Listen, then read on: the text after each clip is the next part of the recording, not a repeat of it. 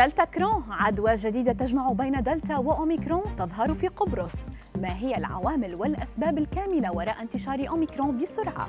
وعلامات جديدة تدل على إصابتك بكورونا. أبرز أخبار الساعة الأربع والعشرين الماضية في دقيقتين على العربية بودكاست. اكتشف علماء في قبرص عدوى بكوفيد 19 تجمع بين المتحورين دلتا وأوميكرون. وأعلن وزير الصحة أن المتحور الجديد يطلق عليه اسم دلتا كرون. الاكتشاف سمي بهذا الاسم بسبب التعرف على بصمات جينية شبيهة بأوميكرون داخل جينومات دلتا.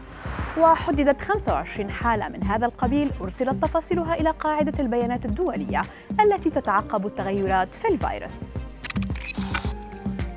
كشفت منظمة الصحة العالمية وجود مجموعة من العوامل والأسباب الكامنة وراء انتشار أوميكرون بسرعة. ومن هذه الأسباب الطفرات التي يحملها المتحور والتي تخوله الالتصاق بالخلايا البشرية بسهولة أكبر. إضافة أن هناك سبب آخر هو أننا نشهد تكاثرا لأوميكرون في الجهاز التنفسي العلوي وهو يختلف في هذا عن المتحورات الأخرى من كورونا. انتشار الفيروس يرتبط أيضا بزيادة اختلاط الأشخاص وتمضية مزيد من الوقت في أماكن مغلقة في فصل الشتاء وعدم الالتزام بإجراءات وقائية مثل التباعد الجسدي. كشفت مراكز السيطرة على الأمراض والوقاية منها في الولايات المتحدة عن علامات جديدة معظمنا على الأقل ربما ليسوا على دراية بها يدل على إصابتك بكورونا. فقد كشفت دراسة جديدة عن عارض يشمل تلون الشفاه والجلد والأظافر باللون الرمادي المائل إلى الزرقاء.